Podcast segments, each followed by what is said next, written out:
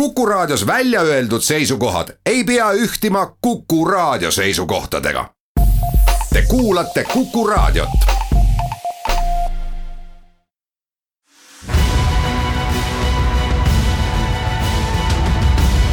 kaks ühes. tere, head sõbrad, eetris on kohe praegu saate Kaks ühes selle aasta viimane saade, vahepeal tulevad pikad pühad ja järgmine Kaks ühes on eetris alles kaheksandal jaanuaril. stuudios on Vilja Kiisler nagu selles saates ikka ja nagu ikka on kaasas mul ka kaks tarka külalist. seekord on äh, minu esimese, esimene partner Urmas Jaagant, Postimehe ajakirjanik, tere tulemast. tere. ütlen ära ka teise külalise nime, pereterapeut Meelike Saarnaga kõneleme saate teises pooles sellest kuidas saada jõuludega maha niimoodi, et kõht ei valutaks ja südames oleks rahulik tunne. aga Urmas, sinuga me võtame loomulikult kokku poliitika aasta ja vaatame ette ka selle poole, mis võiks saada riigikogu valimistel. ehk kui hästi läheb, siis paneme koos sinuga uue valitsuse praegu kokku, et jõulud tuleksid rahulikud ja aastavahetuse peol ei peaks ükski mõtlema, mis sellest valitsusest saab või missuguse kuju ta võtab. aga kõigepealt kaardistame selle seisu, milles on erakonnad praegu aasta lõpus, enne valimisi, kui on sinna jäänud sõita veel ligemale kolm kuud. sa ütlesid oma viimases valimisradaris, et nüüd läheb lahti aga olgem ausad, kõigepealt tulevad ikka jõulud ja aastavahetus. ma kujutan ette, et isegi erakonna juhid puhkavad natukene, enne kui päriselt lahti läheb. no eks ta on natukene nagu lendstart, et äh, riigikogus on meil praegu ju kõik tähtsamad asjad nagu sisuliselt tehtud, et eelarve on vastu võetud. pensionireformi, pensionireform saab ka tehtud, esimese samba muutmine, kuigi seal oli, sellega oli ka kõvasti jantimist. et äh, tegelikult enam nagu suurt järgi jäänud sellist mm, nii-öelda parlamentaarset nagu potentsiaalset tüli kohta väga ei ole, et äh, need eelnõud, mis on, mis on olemas, need ilmselt koputatakse ära ja ju on ka olemas mingi kokkulepe, et seal keegi, keegi koalitsioonipartneritest ei hakka väga tüli üles rebima, nii et, et selles mõttes on tõesti mm, nüüd nagu täiesti alanud see periood, kus äh, siis alustatakse seda nii-öelda valimiskampaaniat nagu selles mõttes täies mahus, et. et nüüd vist ma, ma pakuks noh, veidi kujundlikult öeldes ei teegi enam, keegi enam nägu ka, et, et äh, üritatakse mingit tegelikku tööd teha või tegelikku, eks noh, muidugi riik juhitakse ära, eks, aga. aga mingeid algatusi ei, mitte midagi sellist, et nüüd on, nüüd on ainult kampaania ja, ja valimised see on iseenesest päris täpne ja tõepoolest enne valimisi võib Jüri Ratas nüüd ka valitsusjuhina kergemalt hingata, sest see raske valitsuskriis, mis tal oli lahendada, lahenes üle ootuste hästi Ku,. kuigi üks väike nõks on siiski jäänud. kui nüüd mõelda, seesama, sama kriis, mis tal oli, see rändekriis, et et äh, see ei pruugi olla veel sada protsenti läbi. sa tõesti arvad, et Urmas Reinsalu hakkab veel kord tüli norima, lööb rusika lauale ja ütleb, et see ei lähe mitte? no ma ei tea, kas ta hakkab tüli norima, aga on ju, on ju erinevaid variante, et äh, me peame ikkagi meeles pidama, et seisukohad on endiselt erinevad, et Isamaa on endiselt äh, arvamusel, et valitsus ei ole selles asjas otsust teinud. ehk siis Eesti ei peaks sellega ühinema sotsid ja Keskerakond arvavad, et jah, tõesti, valitsus ei ole otsust teinud, aga riigikogu on andnud valitsusele nii-öelda rohelise tule ja tuleb minna. et äh, siin ongi suur küsimus ongi see, et kas äh, Isamaa nagu tahaks siit veel midagi välja tõmmata. nüüd just nimelt sellepärast, et riigikogus enam midagi olulist nagu selles mõttes suurt, väga suurt ei ole. Mm, noh, vaevalt, et nad muidugi valitsusest kuhugi lähevad et äh, tõmmata oma ministrid valitsusest tagasi nii vähe aega enne valimisi pole justkui ka nagu mõtet.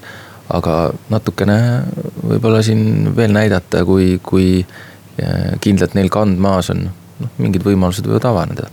Seda ma usun küll, et äh, Isamaa, eriti Urmas Reinsalu isikus ja Seedriga talle toeks soovivad näidata, et nad selle rändeleppega rahul, rahul ei ole aga ma olen selles mõttes sinuga täiesti ühel nõul, et seda ei tehta kindlasti valitsuse lõhkumise hinnaga, sest Isamaal ei oleks ju ka midagi võita sellest, kui nad enne valimisi valitsuse lõhki ajaksid, ma arvan, see ei ole ka nende huvides. jah, ega see neile midagi ei too, just, pigem just sellepärast, et, et noh, mis mõtet äh, on minna nagu nii enne lõppu ära ja siis hakata nii-öelda oma vanu partnereid nagu kritiseerima, kui sai enne terve see aeg nagu koos oldud, et et ja, ja midagi muud ju välja pakkuda selle ajaga ka ei jõua, et valimislubadused hakkavad ka kõigil juba tulema, et mis, mis sa seal siis nagu nii väga teed ja.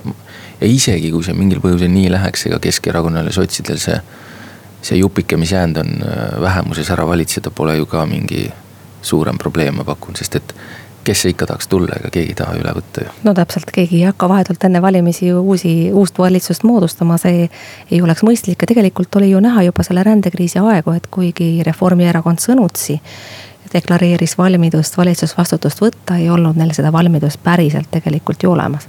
pigem võib-olla tahtmist ka isegi ja ei ole. reaalset tahtmist. ei ole tahtmist ja ei ole vajadust ega oskust ega kavatsust.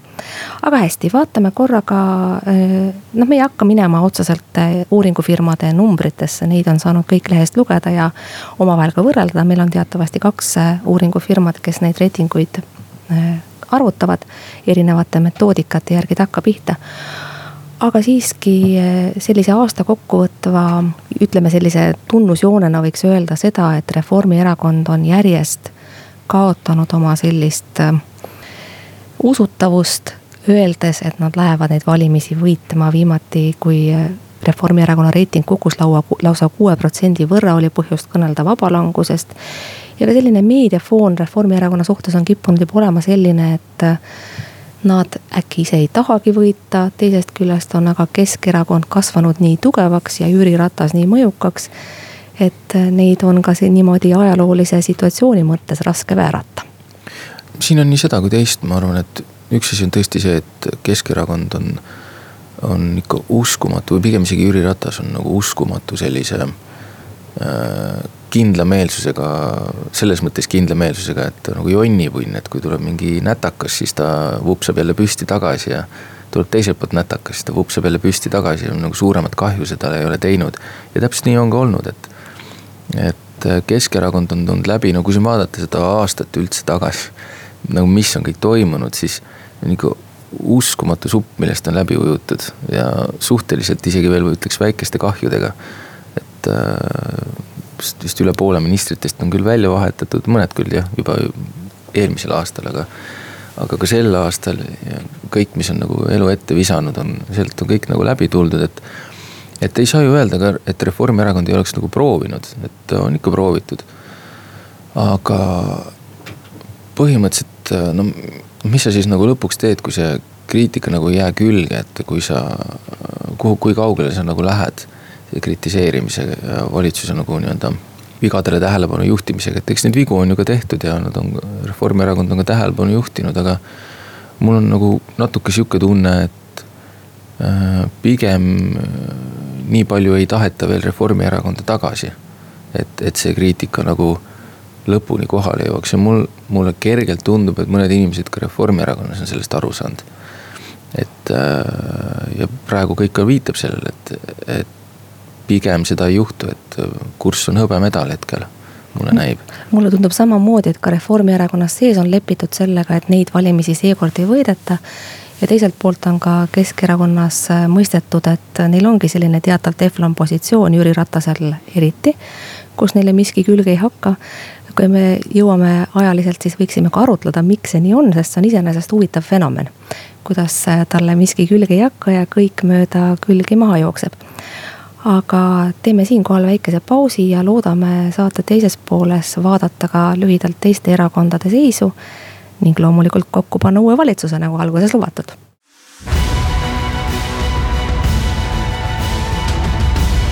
kaks ühes. head sõbrad, kaks ühes läheb siit kohalt edasi, sealt, kus ta enne pooleli jäi koos Urmas Jaaganti ja Vilja Kiisleriga kes lubasid teile, et panevad kokku uue valitsuse teie rõõmuks.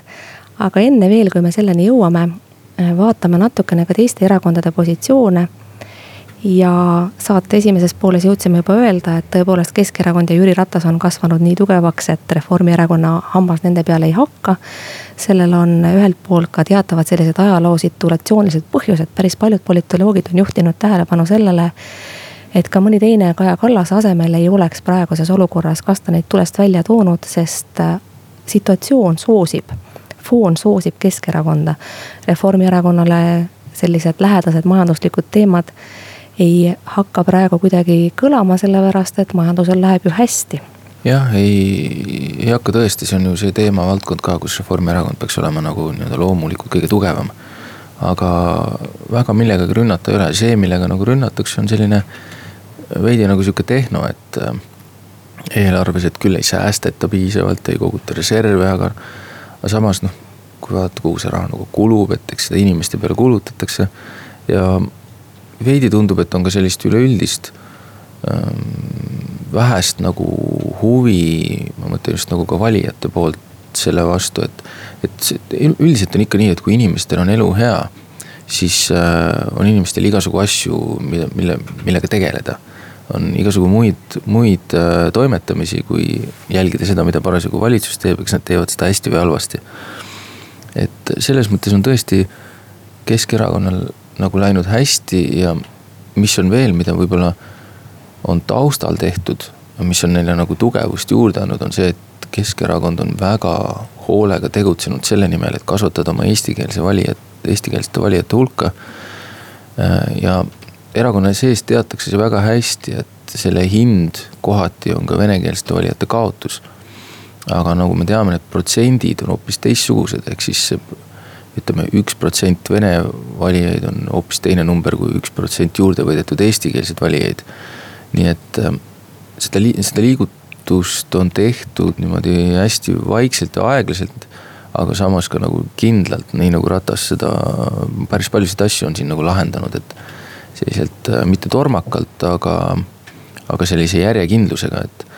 et Keskerakond äh, ei ole nii-öelda selles mõttes ainult nagu nii-öelda valitseva keskkonna äh, tõttu sellises heas positsioonis, vaid nad on ise ka päris kõvasti nagu vaeva näinud ja võtnud ka võib-olla pisemaid riske.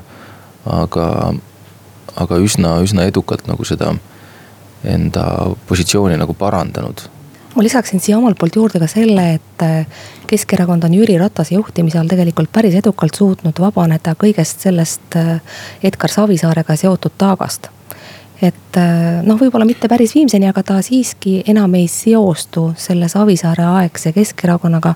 mille vastu oli põhjust olla juba sel, sellepärast, et seda juhib Savisaar. ja mitte nii väga, aga, aga eks siin on ju asju, on ka, on ka inimesi, kes senimaani arvavad, et äh, mis te räägite muutunud Keskerakonnast, mitte midagi ei ole muutunud, et lepe ühtse Venemaaga on endiselt olemas. ja kõik muu sihuke korruptsioon Tallinnas, no Reformierakond neid kõiki ka kasutab. aga need ka millegipärast väga nagu ei ei toime, siis vahest ma kuulen, et öeldakse meedia, meedia pihta ka, et miks te siis ei küsi, et kus, mis sellest lepingust saab, no võime ju küsida, eks see vastus on ikka sama. et see on külmutatud, seisab seal, ma ei tea, sealihakamaka kõrval seal sügavkülmas ja seal ta on.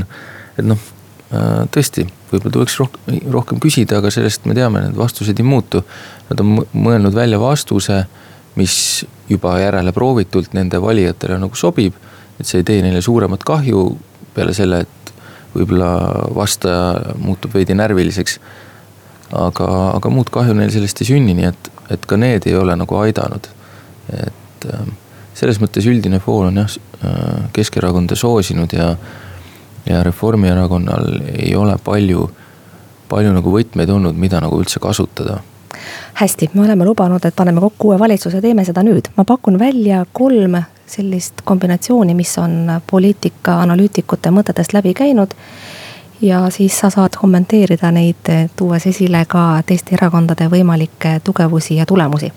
noh, üks variant oleks iseenesest see, et Keskerakond ja Reformierakond panevad leivad ühte kappi, nad kord on valitsenud, tõsi, ajalooline situatsioon oli siis teine.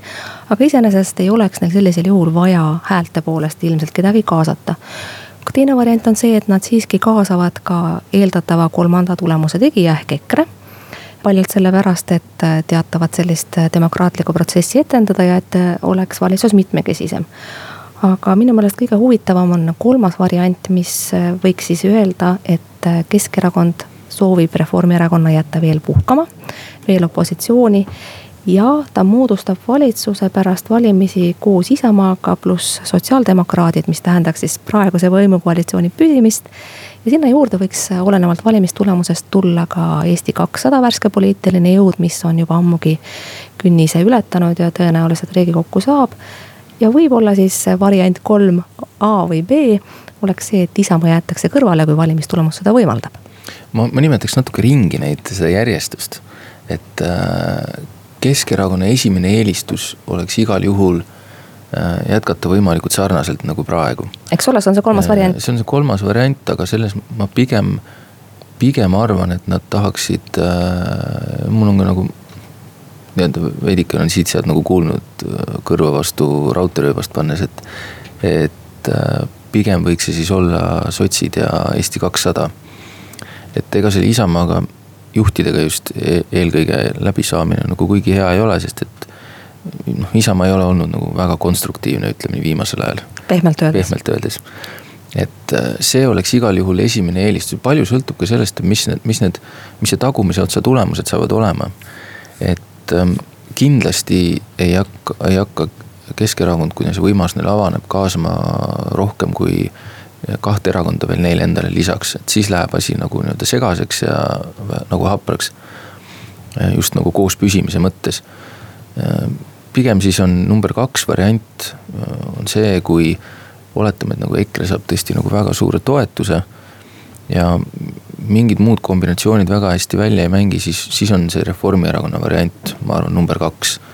et tehagi kahekesi ja on nagu rahu majas ja EKRE variant on tõesti noh, kui ma varem arvasin, et see on nagu võimalik ja võib-olla poliitikud mängisidki selle mõttega rohkem, siis viimase aja sündmused ikkagi.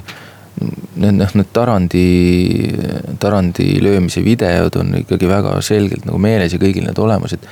ja, ja muu, muu see, mis on toimunud, kus, mis muid märke nad selle rändekriisi juures on kasutanud, et ma arvan, et äh,. EKRE on ennast ise mänginud ka nüüd nagu rohkem välja sellest asjast. et äh, ma arvan, nende võimalused on nagu kahanenud. see on tõepoolest nii, sest tegelikult on Jüri Ratas ju ka juba öelnud, küll talle natukene sellisel ümmargusel moel, et ta ei näe EKRE-ga koostöö tegemise võimalusi ja Kaja Kallas Reformierakonna juhina on küll öelnud, et ta sooviks ikkagi läbi rääkida kõigiga ja tibusid loetakse alles pärast valimisi aga talle omane liberaalne DNA minu meelest ei võimalda mitte kuidagi Mart Helmega valitsuses positsioone jagada. Urmas suur,, suur-suur tänu sulle ja teie, kes te praegu kuulate, võite loomulikult kokku panna oma valitsuse. enne kui te lähete viparkooke sööma, aga see, missugune see valitsus päriselt kujunema hakkab, sõltub muidugi sellest, missugused hääled antakse kolmandal märtsil. ja selles mõttes on igasugune ennustamine tänamatu töö me sellel aastal seda rohkem ei tee. jätkame pärast pausi koos Meelike Saarnaga, arutledes selle üle, kuidas elada jõulud üle võimalikult valutult.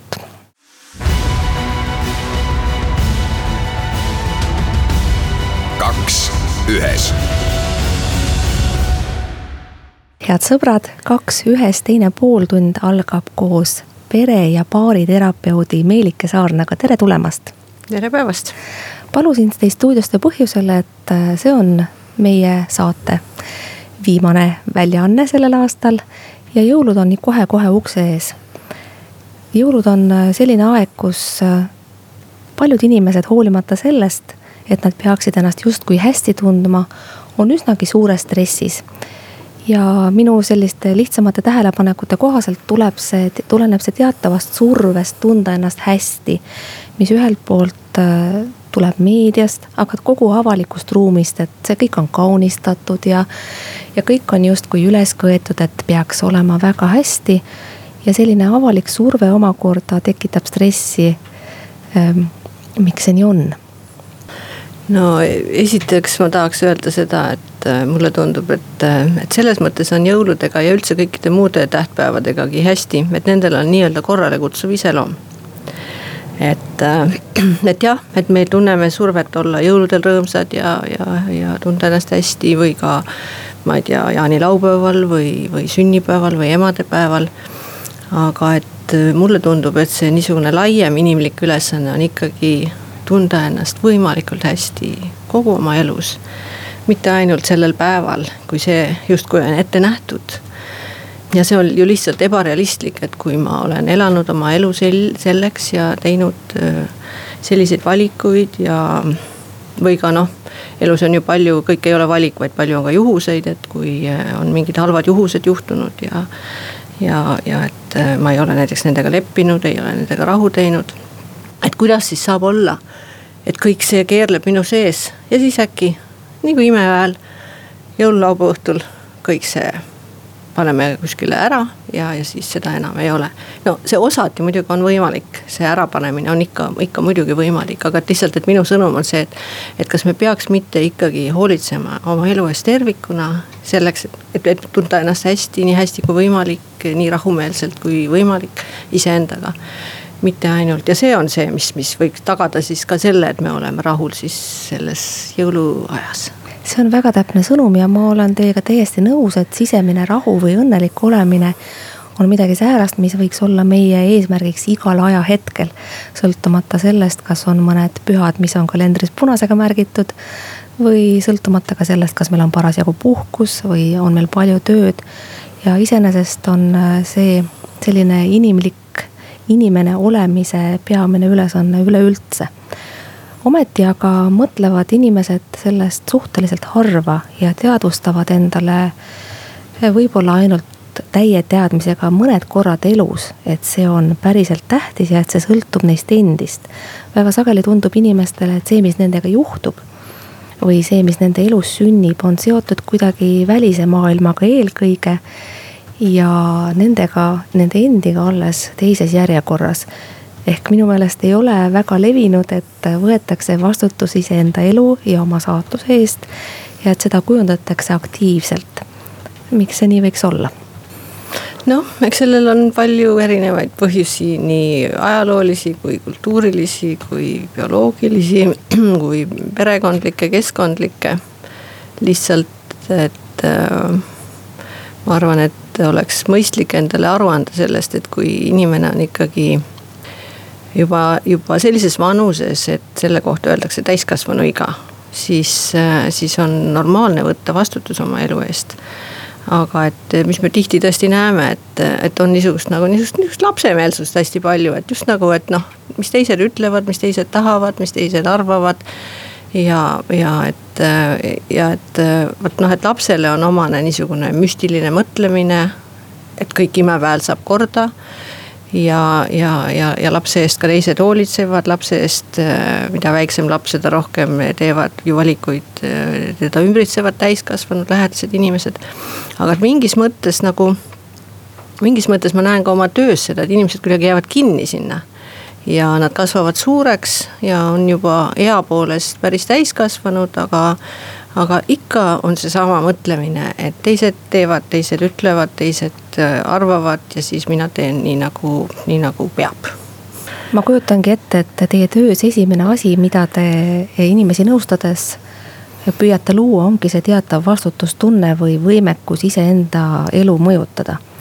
aga olgem ausad, isegi täiskasvanute puhul on see mõnikord väga-väga keeruline ülesanne, sest ühelt poolt on ju mugav mõelda ja ka tunda et äh, see, mis minuga juhtub, ei sõltu minust ja teataval määral on see ju ka tõsi. tõepoolest, absoluutselt kõik siin elus ei sõltu meist endist.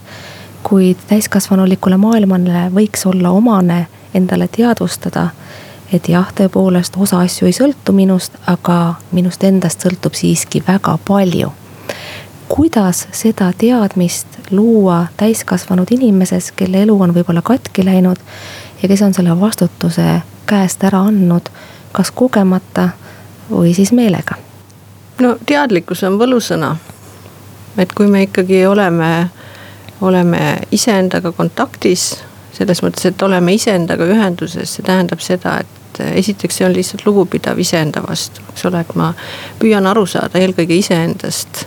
eelkõige iseendast, mitte sellest, mida teised tahavad, mõtlevad, vajavad sellele on ka oluline mõelda, aga et see esimene ikkagi, et kõige tähtsam suhe inimesel on ikkagi iseendaga. ja see on ka see asi, mis, mis puudutab jõulusid, et kui inimene näiteks on üksi jõuluõhtul, siis. siis, äh, siis, siis, siis tal on, on, kui tal on suhe iseendaga nagu hea, eks, et kui ta suhtub endasse lahkelt ja kaastundlikult. et ta saab aru, kes ta on, kus ta parajasti on, mis ta on tundmas, mis ta on mõtlemas, kuhu ta on teel. Et see on, kui inimesel on tunne, et ta juhib enda elu, siis ta tunneb ennast võrratult paremini kui see, et kui talle, kui talle tundub, et ta on kuskil mingisuguses voos kus, kus mingisugune voog teda lihtsalt juhib ja ta ei saa noh, ei mõlaga siit ega teiselt poolt nagu kaasa aidata, et sinna-tännapoole minna no siia jõulude juurde veel kord tagasi tulles tõepoolest jõulusid peetakse perepühadeks ja need inimesed, kes mingil põhjusel oma perega koos olla ei saa. Või on see pere lagunenud, kalduvad ennast jõulude ja aastavahetuse ajal halvemini tundma sagedamini kui need inimesed. kellel on võimalik oma lähedastega koos olla ja kellel eelkõige peamiselt on oma lähedaste inimestega tõesti sellised usalduslikud ja emotsionaalselt siduvad suhted. Paratamatult ei saa kõik need inimesed, kes on seegi kord jõulude ajal üksi omaette, jõuda sellesse seisundisse, mida te kirjeldasite, et iseendaga on hea koos olla. Ja tuntakse sellist täielikku rahulolu selle üle, kuidas elu on läinud ja teadmist, et see, mis edaspidi juhtub, on minu võimuses. Küllap on aga midagi, mida te saaksite soovitada neile inimestele, kes mõistavad, et kogu seda õnne korraga, kogu rahulolu korraga ei ole võimalik kätte saada. küll aga on võimalik iseenda jaoks teha üks või kaks sammu, et need jõulud mööduksid õnnelikumalt kui võib-olla eelmised. missugused need sammud võiksid olla? noh, eks see on ikkagi niisugune ka rahu tegemine iseendaga ja, ja, ja selle märkamine, mis toimub hetkes, sest et, et see siin ja praegu elamine, nii-öelda protsessi nautimine, selle asemel, et mõelda mingile kaugele tulevikule. et ega üks õnne definitsioone ongi ju see, et, et me oleme rahul sellega, mis meil on ja ei, ja ei mõtle liiga palju sellele, mida mul kõike ei ole, kuigi loomulikult me võime püüelda sinnapoole ja, ja, ja peamegi püüdlema sinnapoole, et oma unistusi ja oma häid soove täita. aga et see niisugune, no mulle meeldib mõelda nii, et kui meil tõesti, meil on elus olukordi, kus tõesti just nagu ei saa mitte midagi teha, eks. et, et ei saa muuta neid, seda reaalsust, mis on parajasti meie ümber. aga inimesel on väga suur ressurss ikkagi ja see on kuidas sellest mõelda. ja, ja, ja kui me seda taipame, et noh, et kuidas me mõtleme sellest, mis minu ümber parajasti on. Ja kas see, mida ma olen tundmas või see, mis ma olen mõtlemas, et kas see on kogu reaalsus või see on lihtsalt selle hetke reaalsus et ka inimene näiteks ennast üksi, üksinda või, või hingelises valus tundes tihti see valu või üksindustunne võib olla nii suur, et tundub, et see on nagu, see on nagu kõikehõlmav, et see, see, see on nagu kogu maailm, tundub, et, et mitte midagi selles maailmas sel hetkel ei ole. Aga et see on ka see niisugune iseenda korrale kutsumine selles osas, et noh, et, et hästi tähtis küsimus on, on see, et, et, et kas see on kogu reaalsus või see on üks osa reaalsusest mis nii ehk nii muutub ja tunded on niisugused, mis tulevad, lähevad, tekivad, kaovad. see on lihtsalt inimene tõepoolest, see on hea esimene samm. teeme siinkohal väikese pausi ja vaatame siis, missuguseid soovitusi võiks anda erinevatele inimtüüpidele jõuludega toimetulemiseks.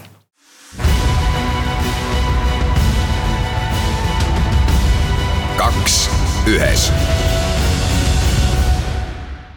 head sõbrad, kohe praegu lähebki eetrisse saate Kaks ühes viimane veerandik koos baari- ja pereterapeut Meelike Saarnaga. kellega me oleme nõuks võtnud teie jõulud teha toredamaks ja anda kaasa ka mõned soovitused erinevatele inimtüüpidele jõuludega võimalikult valutuks toimetulemiseks. ärge võtke järgnevat eh, nii kohutavalt tõsiselt, sest eh, inimesi võib jagada tüüpidesse väga mitmel moel ja kindlasti võite teie välja töötada omad tüpaažid, kellele võite omakorda nõuandeid jagada.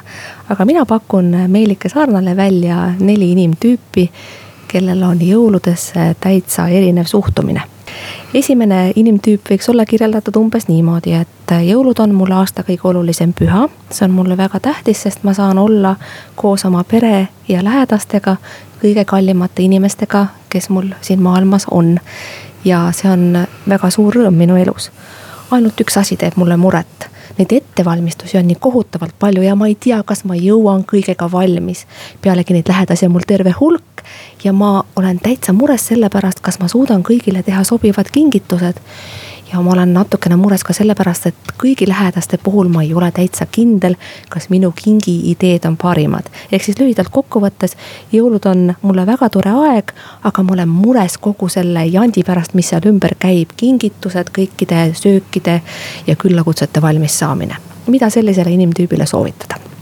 rahu rahu selles mõttes, et ja ja ma ikkagi tuletaks sellele inimesele meelde, et, äh, et kõige kallim kingitus, mis me saame oma lähedastele teha, on aeg, ühine aeg.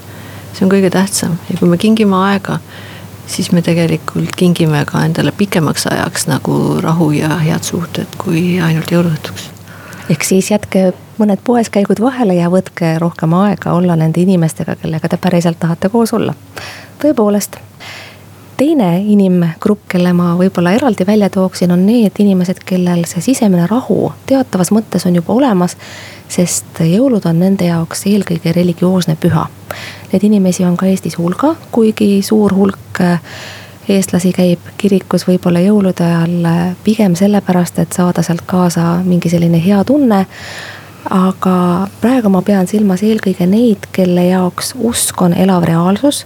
Neil on kontakt kristliku kultuuriruumiga sügavam kui eestlastel keskmiselt. ja nende jaoks on selline teatav usulise keskendumine, võiks öelda isegi harduse aeg.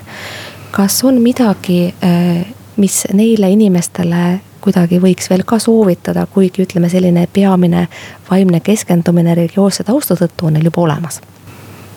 noh, mulle tundub, et niisugusel puhul on äh, muidugi siin, siin on natuke erinev see, et kui, et kas inimene on äh, endaga üldiselt rahul, rahujalal ja, ja ka ja sinna lisandub niisugune religioosne vaade üldisemalt.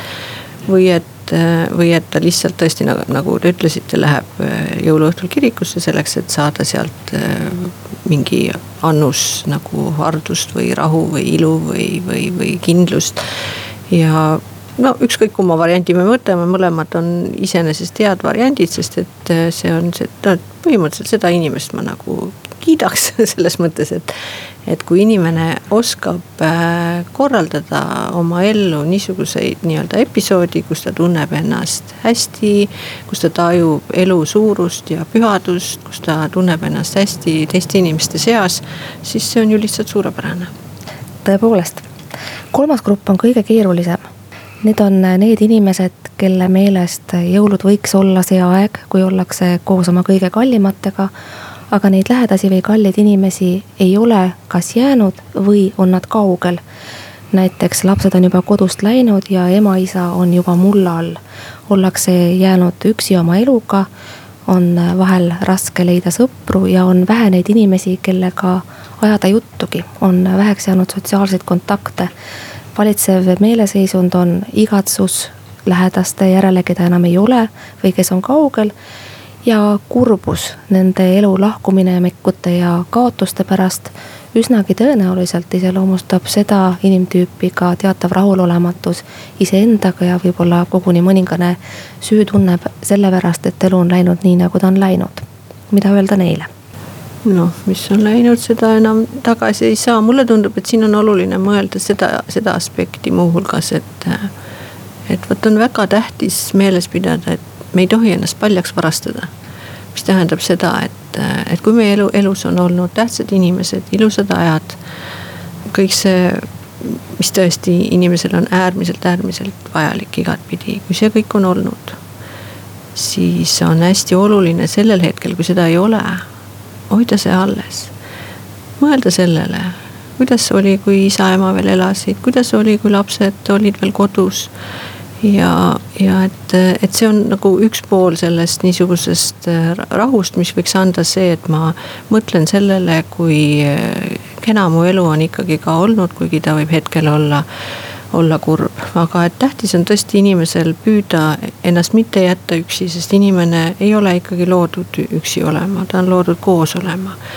ja et, et ikkagi püüda leida neid äh, kontakte, minu poolest kasvõi minna äh, kaubanduskeskusse jalutama, kus on muusika ja palju inimesi ja saginat ja, ja elu, elu toimub. et, äh, et vast ikka on keegi, kellele helistada ja isegi kui ei ole, siis võib ju käia haua peal ja panna küünal ja mõelda sellele, nendele toredatele hetkedele, mis on olnud. ja, ja aktsepteerida seda oma kurbust ja kuid samas nagu olla selles mõttes nagu teadlik ja kontrolliv enda üle, et et me ei tohi ennast selle kurbuse leina sisse ära uputada, et, et inimesel on ikkagi väga suur võime ja ressurss juhtida oma mõtteid. see nõuab harjutamist ja teadlikkust, aga see on võimalik. ja lõpuks viimane inimtüüp, see on umbes selline, et ähm, mind tegelikult need jõulud üldse ei huvita mulle ei lähe see kõik üldse korda, ärge suruge seda mulle peale, tee või tina, ma lihtsalt ei taha selles kõiges osaleda, sest mul puuduvad nii religioossed kui ka perekondlikud väärtused. see kõik mulle, pole mulle üldse oluline, ma olen oma eluga hoopis teises kohas, jätke mind rahule. selline inimtüüp, mida öelda talle? palun väga, võta oma rahu, võta oma üksindus, võta oma mitteosalemine, see on igaühe väga isiklik valik ja, ja miks mitte et täiskasvanud suhete tunnus on ju see, et kui keegi äh, kirjeldab oma seda jõulutunnet nii, nagu te praegu ütlesite, siis, äh, siis lihtsalt ongi, siis on vaja seda aktsepteerida, ega siin muud ei olegi tõepoolest, ma olen teiega täiesti nõus, et jõulud ei peaks meie jaoks olema see normatiivne aeg, kus meile kirjutatakse ette, kuidas peab ennast tundma. vaid me saame ise valida, missugused need jõulud on ja, ja missuguses mõõtmes või missuguses ruumis me tahaksime neid neid veeta. muide, veel remargi korras, äh, president on oma kõnes viidanud, et äh, vägivaldseid äh, intsidente esineb jõulude ajal kõige sagedamini. ja päästjad, samamoodi politseinikud viitavad sellele. mis selle põhjus võiks olla, kas väga lühidalt, kas teatav normatiivsus on see, mis tekitab inimestes vägivalda? no see on hästi keeruline küsimus, millele on raske lühidalt vastata, aga et kõige lühem vastus on see, et ma tahaksin väga, et, äh, et, äh, et jõuluõhtu kingitus mitte kellelegi ei tohiks olla see, et, et täna ei saa peksa vahel see nii võib olla, eks, et meil lihtsalt noh, et, et, et vägivald peaks olema nagu mitte aktsepteeritud nagu iga kell, iga päev.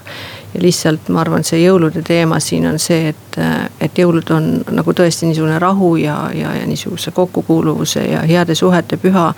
Ja, ja et, et see on nagu kõrgendatud tähelepanu all, aga see vägivalla teema siis, aga et see vägivalla teema peaks olema absoluutselt iga päev tähelepanu all, sest seda lihtsalt ei tohiks olla aitäh, Meelike Saarna stuudiosse tulemast, head saate Kaks ühes kuulajad. saatejuht Ville Kiisler tänab teid kogu südamest, et olete olnud minuga need toredad hetked, kui mul on olnud õnn ja au seda saadet teha. vahepeale tuleb pikk paus, sest tulevad jõulud ja aastavahetus, mille ma kogu südamest soovin, et te saaksite veeta täpselt nii, nagu teile meeldib. järgmine Kaks ühes on eetris alles tuleval aastal, kaheksandal jaanuaril. kohtume siis ja veetke täpselt sellised jõulud ja niisugune aastavahetus, nagu te ise endale soovite. Kuulmiseni, nägemiseni.